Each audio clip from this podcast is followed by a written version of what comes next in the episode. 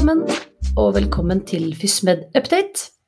En podkast innenfor muskel og skjelett, laget av oss på fysikalsk medisin, men forhåpentligvis spennende for alle som jobber med dette. Og dagens tema er svangerskapsrelaterte bekkenleddsmerter. Dagens ekspert er Nils Gunnar Juel, overlege på fysikalsk medisin på Ullevål, ph.d., og nylig skrevet en bok om hofte og bekken. Veldig fin bok, den anbefales. Hei, Nils Gunnar. Hei, hei. Hyggelig å være med. Så bra. Du, hva, hva tenker du på når vi snakker om svangerskapsrelaterte bekkenleddsmerter? Det er jo en beskrivende diagnose. Um, så har det vært litt, um, vært litt vanskelig med hva man skal kalle disse plagene, for man, man vet jo ikke helt hvor smertene kommer fra. Um, og så har det jo vært eller det er jo en del andre plager hos særlig gravide, da. I uh, magen, uh, underlivet, uh, altså indre bekkensmerter. Så man, man har valgt å, å, kalle det bekkenleddsmerter for å skille det fra disse smertene, da. Så, så det betyr egentlig at det er smerter i muskel-skjelettsystemet i bekkenet som er relatert til svangerskap, da. Ja. Og skal vi da videre kanskje skille mellom under svangerskapet og etterpå? Ja, det er jo vanlig. For det, det er klart, det her er jo, det er jo veldig vanlig å ha smerter i bekkenet under svangerskapet. Og på folkemunne så kommer vi ikke unna å kalle dette bekkenløsning. Når folk sier bekkenløsning, så betyr det at du har vondt i bekkenet, at det har noe med svangerskapet ditt å gjøre. Så jeg tenker at det er greit å beholde. Og, så ønsker jo de som jobber mest med pasienter da, som, som, har såpass mye plager at de blir pasienter, de ønsker å kalle det noe mer spesifikt. og Da, da er det bekkenleddsmerter, symptomgivende bekkenleddsmerter, da, eh, som er betegnelsen på, på, smerter som gir deg funksjonstap. Og dette er i svangerskapet, og, og, de beholder også på en måte samme begrep etter fødsel for de som har plager. Da kaller man det svangerskapsrelaterte bekkenleddsmerter. Og dette her er adaptert i Norsk gynekologisk forening, som har en anbefaling liggende ute på sine hjemmesider fra 2020. Ikke sant. Og jeg tenker at det er ikke altfor uryddig å snakke om begge deler samtidig, fordi i hvert fall på en fysikalsk medisin poliklinikk så får vi jo faktisk ikke så sjelden disse pasientene, enten under fanen hofte eller under fanen rygg. Og da har jo dette vært en overgang fra svangerskapet, så det blir jo også litt uhensiktsmessig å bare dele det helt opp også. Mm. Men at vi kan forholde oss litt til både under og etter. Mm. Og det, det, som er forskjellen altså På vår poliklinikk så får vi jo stort sett som regel bare de som har født og som ikke har blitt bra, mens f.eks. i primærhelsetjenesten så er jo hovedtyngden pasienter som er gravide, da. Så det er jo litt forskjell der, selvfølgelig.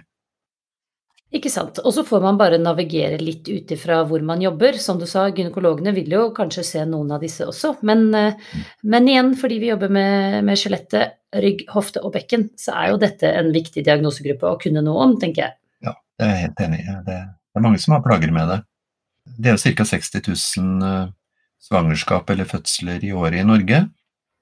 Da er det en ganske stor andel, kanskje 10-20% som har Eh, disse plagene i svangerskapet.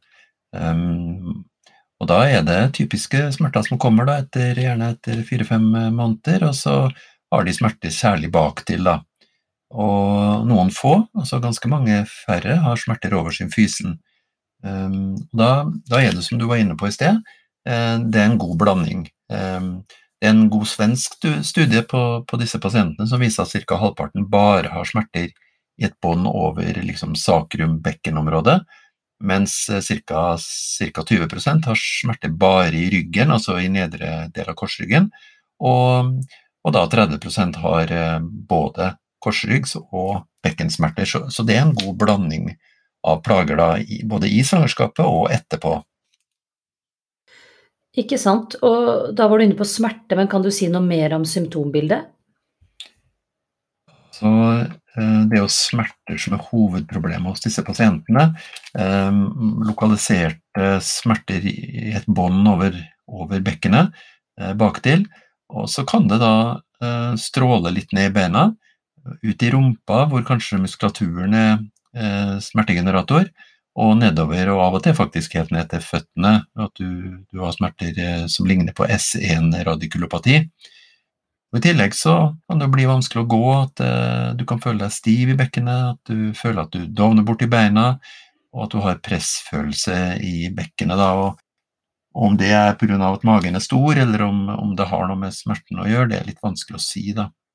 Og det er de vanligste symptomene, og veldig, veldig få har nevrologiske utfall. Det er veldig få som har. Og da er kanskje symptombildet ganske likt både under svangerskapet og etter, litt, med, med, unntak av bare den veldig pressfølelsen, kanskje, som du nok har mer av som ja. høygravid enn som eh, noen måneder etter fødsel. Ja, det tror jeg det er helt riktig. Og, og selvfølgelig med, med, samling av væske og sånt, at du blir hoven i beina, at du føler eh, pitringer i beina og sånt, det er jo mye mer vanlig i svangerskapet, selvfølgelig. Ikke sant. Så hvordan går det med disse smertene? Altså, det er jo veldig bra eh, at det går så bra med de aller fleste. Um, vi har en svensk studie som, som uh, fulgte pasientene noen uker etter fødsel, og, og, de fant at 98 uh, opplevde bortfall av symptomene i løpet av to uker etter fødsel. Det er nok litt sånn optimistisk, men, men en annen studie har vist at 95 er tilbake i normal funksjon i hjemmet seks uker postpartum. Altså det, det, er jo en veldig høye tall, da. Så, så det er uh, god prognose på kort sikt. Så er det jo studert litt på litt lengre sikt også. Der, der, er det nok uh, en andel, det er oppgitt kanskje 20% som angir å ha plager videre, at det ikke er helt bra. Um, og av de så er det kanskje 2-3% som har eh, funksjonsproblemer knytta til disse plagene sine. Så det, det er nok en del som plages eh, en god stund. Så kom det en svensk studie nå for et par år siden som så på virkelig langtidsoppfølging, og så på eh, betydningen for de kvinnene som hadde bekkenplager etter fødsel, elleve år senere, og så fant de at nesten 10 av disse kvinnene hadde funksjonsproblemer, og at dette gikk utover familielivet, altså elleve år etter fødselen. Og det det er jo litt, egentlig litt oppsiktsvekkende at så mange faktisk er påvirka så lenge etterpå. Absolutt, og derfor tenker jeg at det er eh, nyttig at denne gruppen skal vi kunne noe om, selv om dette også er en gruppe som du sier, som havner litt også i andre fagfelt. Ja. Da er vi glad for det, alle de som eh, ble kvitt det, og så konsentrerer vi oss videre om de som plages lenger. Mm. Eh, og hvordan vil du undersøke en, en sånn her dame? Mm. Altså det viktigste er jo selvfølgelig eh, anamnesen, at dette er svangerskapsrelaterte plager som sitter i bekkenet. Og så er det jo viktig å få med seg om det er utbredte smerter opp i ryggen, og om det er mer utstråling, for det, det vet vi jo fra andre områder i, i muskel-skjelettbransjen at da er prognosen litt dårligere, dessverre. Så anamnesen er jo det viktigste der også. Og så skal vi jo skille plagene i bekkenet fra ryggen og eventuelt fra nervesystemet, og da må vi jo gjøre noen kliniske tester for det. Og Det finnes jo mange sånne bekkenleddtester, men den, den, beste testen er det vi kaller P4-test, eh, hvor du rett og slett eh, har pasienten liggende på ryggen, og så tar du 90 grader fleksjon i hofta, og så, og så legger du et trykk ned gjennom femur, på en måte, slik at du presser på en måte hofta inn i bekkenet. Og Den testen den skal være positiv ved bekkenleddsmerter. Hvis den ikke er det, så må du lure på om årsaken kan være andre ting, da.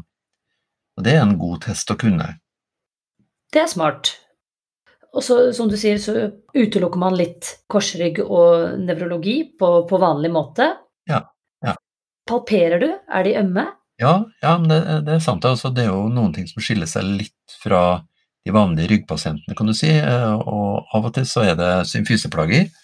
Det, det er jo en liten andel som har det etter eh, fødselen også, eh, at de får en slags liten løsning i symfysen. Og det, det, bryr man seg veldig lite om, for den stabiliteten som er i symfysen har ikke noe særlig klinisk betydning. Men det kan jo være litt vondt for det, at det kan være vondt å løpe trapper f.eks., at du kan få skarpe smerter i symfysen. Og noen blir jo litt redde for det, men, men det har veldig god prognose for at det går over over litt tid. da. Snakker vi kanskje et, år, et års tid, hvis du først har fått det der, da. Så det kan være greit å palpere symfysen, Den skal jo vanligvis ikke være, være øm ved palpasjon. Og så er det noe annet som, som, kan være fokus også hos disse pasientene, og det er smerter i muskulaturen i setet. Da. Og, og, da snakker vi jo særlig om gluteus medius og piriformis, som, som uh, også hos disse pasientene kan være veldig smertefull. Så du må på en måte undersøke det også, i tillegg til ryggen. da. Ikke sant. Både, som, eh, både, fordi at de kan få vondt av det, og også for å utelukke andre litt mer klassiske rene hofte-bekkenplager. Ja, for, for, du kan jo bli overraska over disse pasientene som kommer og tror at de, de, har det de kaller bekkenløsning, og så har de egentlig en gluteus medius-myalgi som er ganske lett å behandle. Og det har jeg hatt noen av. Fordi, nettopp fordi at dette her er litt Ehm, et, et, felt som lett havner enten hos gynekologene eller hos eh, dedikerte fysio eller andre på private institutt, så er det veldig lett at man bare seiler inn under den fanen fordi man er gravid, og så henger den taggen ved. Ja. Og så er det lov å nullstille, også med tanke på korsrygg, syns jeg. Ja, ja, vet du, jeg er helt enig. Og det, det er jo en betydelig belastning sånn å føde, så føde både for korsryggen og for og bekkenet, så at det, det, kan endre seg, det symptombildet, det er litt viktig å være klar over, faktisk. Mm. Mm. Men eh, trenger man supplerende undersøkelse av disse? Bilder etc.? Det er ikke anbefalt eh, å gjøre noe bildediagnostikk eh, hvis du ikke har klinisk mistanke om f.eks. radikulopati, eller at du har noe fra, fra de kvinnelige kjønnsorganene eller tarm og blære. Så, så, i vanlig praksis så er det unødvendig å ta, ta bilder, altså. Det, det vil jeg si. Eh, vi gjorde faktisk en Vi begynte på en studie på avdelinga vår hvor vi undersøkte 50 pasienter veldig nøye. Tok eh, MR og bekken og eh, lobalavsnitt og gjorde en ganske bred laboratoriestatus. Og da fant vi hos en av pasientene så fant vi at det var et nokså stort midtstilt prolaps i femte skive. Ellers så fant vi egentlig ingen andre differensialdiagnoser i revmatologi eller når det gjaldt det nevrologiske. Det er jo en fin trygghet å ha med seg. Mm. Så heldigvis sjelden så, så en, en, som bare du spør litt om de vanlige nevrologiske utfallene eller typiske revmatiske symptomer, så, så, vil du nok plukke opp det, tror jeg. Mm. Anamnese, anamnese, anamnese, som alltid. men, eh, men, behandling, og da, da, da kan vi prøve å dele det opp litt med før og etter fødsel, kanskje? Ja, altså det er jo, behandling skal du jo gi hvis du tror at det kan bedre tilstanden på kort sikt eller lang sikt. Og, det er klart at uh, graviditeten den går nå over, og prognosen er svært god for at du blir helt bra av de plagene du har i bekkenet. Så det, det er eh, lite grunnlag for å gi behandling i svangerskapet. Altså sånn målretta vevs, uh, vevsbehandling som spesifikk trening eller andre ting. Og det er også gjort studier som ikke viser noe særlig effekt på det. Så, så, jeg tenker man skal ligge veldig lavt og trygge de gravide kvinnene på at dette går over, og, og gi dem et godt grunnlag for å klare seg, klare seg liksom med det.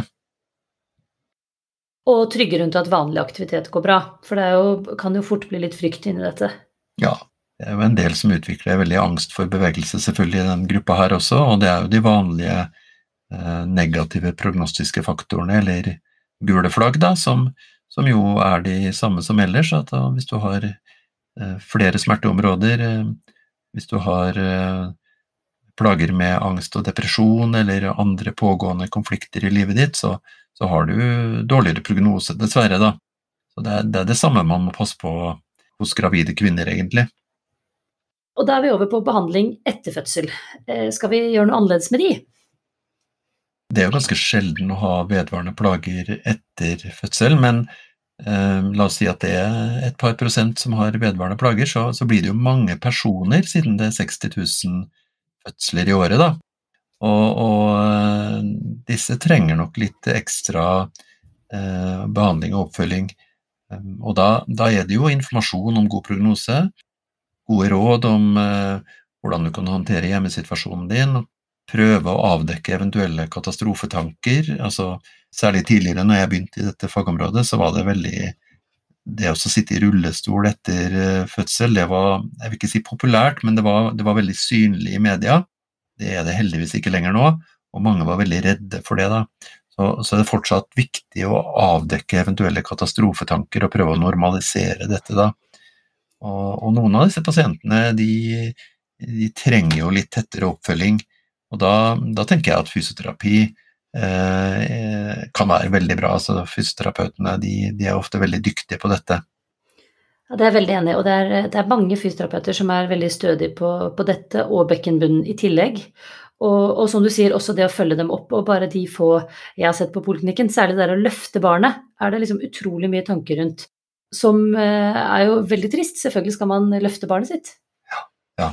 Og det, og, eller man skal skaffe seg teknikker som man kan gjøre det lett, eller ikke sant, at man, man, man kan mestre det på en eller annen måte. da.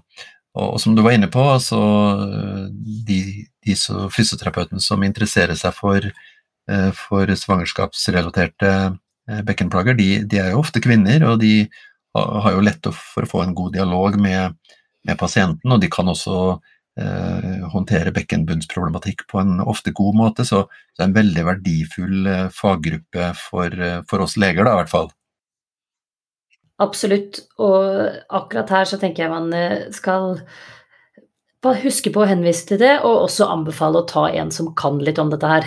Ja, ja det, det, er litt viktig, det også. Mm. Der hvor det blir stort funksjonstap, for det kan det jo bli, og langvarig, er det noen av disse du vurderer for eh, kirurgi? Altså, det foregår jo eh, studier på Rikshospitalet, på ortopedisk avdeling på OUS da, eh, på det her, men det er jo såpass eksperimentelt at det bør jo foregå i en forskningssammenheng. Da. Og de pasientene som opereres der, de, de er jo veldig grundig kartlagt på forhånd. De har gjennomført konservativ behandling. De har reproduserbar smerte fra enten det ene eller begge ilosakralleddene. Og det, det, er en veldig seleksjon i den gruppa som man tilbyr eh, kirurgi. Da. Så, jeg, så jeg tenker det er veldig, det er veldig viktig å, å, bruke kognitiv tilnærming med trygging, få dem til å gjenoppta vanlig aktivitet om mulig, og, og, la tiden gå litt før man begynner å tenke på kirurgi. Da. Eh, jeg vil ikke si at kirurgi absolutt ikke skal gjøres, for det, det, det er jo ikke så mye komplikasjoner ved den kirurgien som gjøres nå, men man skal gjøre disse andre tingene først på en god måte. Jeg er helt enig, og, og, og det å både gi det tid og, og ta hele bildet, både bekkenet og, hele mennesket, er jo i hvert fall av de få jeg har sett, eh, ofte veldig, går veldig bra. Ja, det gjør det. Så prognosen er jo, i hvert fall for å håndtere problemstillingene, er jo prognosen ganske god over litt tid. Altså, det er jo gjort noen randomiserte studier på denne pasientgruppa etter fødsel. Um, vi har en god norsk studie som viste uh, god effekt på smerte og funksjon på både kort og lang sikt, altså klinisk viktig forskjell fra kontrollgruppa. Uh, mest i starten, men vedvarende etter, uh, etter, et år. Men nå er det sånn at det er gjort flere studier etterpå som ikke har klart å vise samme effekt og nå er det gjort systematiske oversikter, to systematiske oversikter som begge konkluderer med at det er usikker effekt av spesifikk trening. Da. Eh, slik at det må absolutt være en kombinasjonsbehandling hvor trening bare er en del av det, tenker jeg. Du skal ikke trene deg i hjel. Disse pasientene skal komme tilbake til, til livet, gjøre de oppgavene de eh, trenger å gjøre, og, og, man skal la det gå litt tid med dem. Altså. Så, så jeg tenker at det er viktig. og og som vi har vært inne på før, også kanskje tøye kort muskulatur i setet, eh, gjøre trening av eh, setemuskulatur i forbindelse med gang, kanskje enkle øvelser for det, og kanskje også gjøre noe annen tilleggsbehandling hvis det er indikasjon mot smerte, da, så de kan fungere. Og kanskje søvnbehandling kan være indisert hos noen pasienter. Så, så det gjelder å individualisere behandlinga hos disse pasientene også, og ikke, ikke gjøre ukritisk eh, spesifikk trening hos dem. Det er jeg helt enig i. Det var godt, godt presisert. Mm. Alle er individuelle, men særlig her er det kjempeviktig. Ja, det er viktig. Men um, hva kan man gjøre som fastlege? Ja, de, alle disse pasientene kommer jo til fastlegen sånn på post, postpartumkontroll, og, og, mange følges jo selvfølgelig i svangerskap av fastlegen også. Og jeg tenker jo at eh, fastlegene har absolutt ansvar i svangerskapet, og etterpå så kan du også prøve å normalisere tankemønstre og få dem til å ta vare på barnet sitt, og kanskje ikke mase så veldig mye med spesifikk behandling, men, men guide dem gjennom eh, tilbakegang i vanlig funksjon. Da. Eh, og så plukke ut de som trenger kanskje spesifikk behandling eh, for angst, for depresjon, for forskjellige typer negative tanker, og, og, og bidra der, da. Det tror jeg kan gjøres eh, vel så godt i primærhelsetjenesten som, som, i spesialisthelsetjenesten. Helt enig. Og så mm, får de henvise hvis det, hvis det trengs en, en second opinion på langvarige plager. Ja, ja. Og da er det naturlig selvfølgelig å samarbeide med fysioterapeuter først, eh, først og så bruke en avdeling, f.eks. fysikalsk-medisinsk avdeling, ikke henvise til kirurgiske avdelinger i utgangspunktet, tenkte jeg, fordi det, det bør være tertiæromsorg for disse pasientene. Enig. Men uh, hvis jeg tar en, en, kjapp oppsummering, så er det da sånn at svangerskapsrelaterte bekkenleddsmerter Skal holde tunga rett i munnen der. Disse smertene de er vanlige både i svangerskapet og etterpå, men det er også vanlig at de går bort. Uh, og det er det viktigste man skal huske. Uh, og så, under graviditeten, Eh, er det generelle råd, veiledning og trygging som er viktigst, eh, og også en gruppe som ikke vi på FISMED jobber altfor mye med. Men etter fødsel så blir de fleste bra. De som ikke blir bra, har ofte veldig god effekt av at man eh, følger godt opp, jobber med helheten, trygger og anbefaler fysioterapeut som kan dette området, for det hjelper godt. Og så er det en liten nisjepasienter som kan vurderes videre. Mm. Ja, det er en god oppsummering, syns jeg. Og så har jo du også mm, i boka di eh, veldig fine digitale ressurser. Vi linker til de, og der er det mm, også en sånn summary av, eh, av kapitlet som er eh, veldig verdt å titte på. Ja. Mm. Så vi legger ut alt dette på siden vår fysmedupdate.no. Og så mm, takker vi for oss. Takk for i dag. Ha det! Ha det.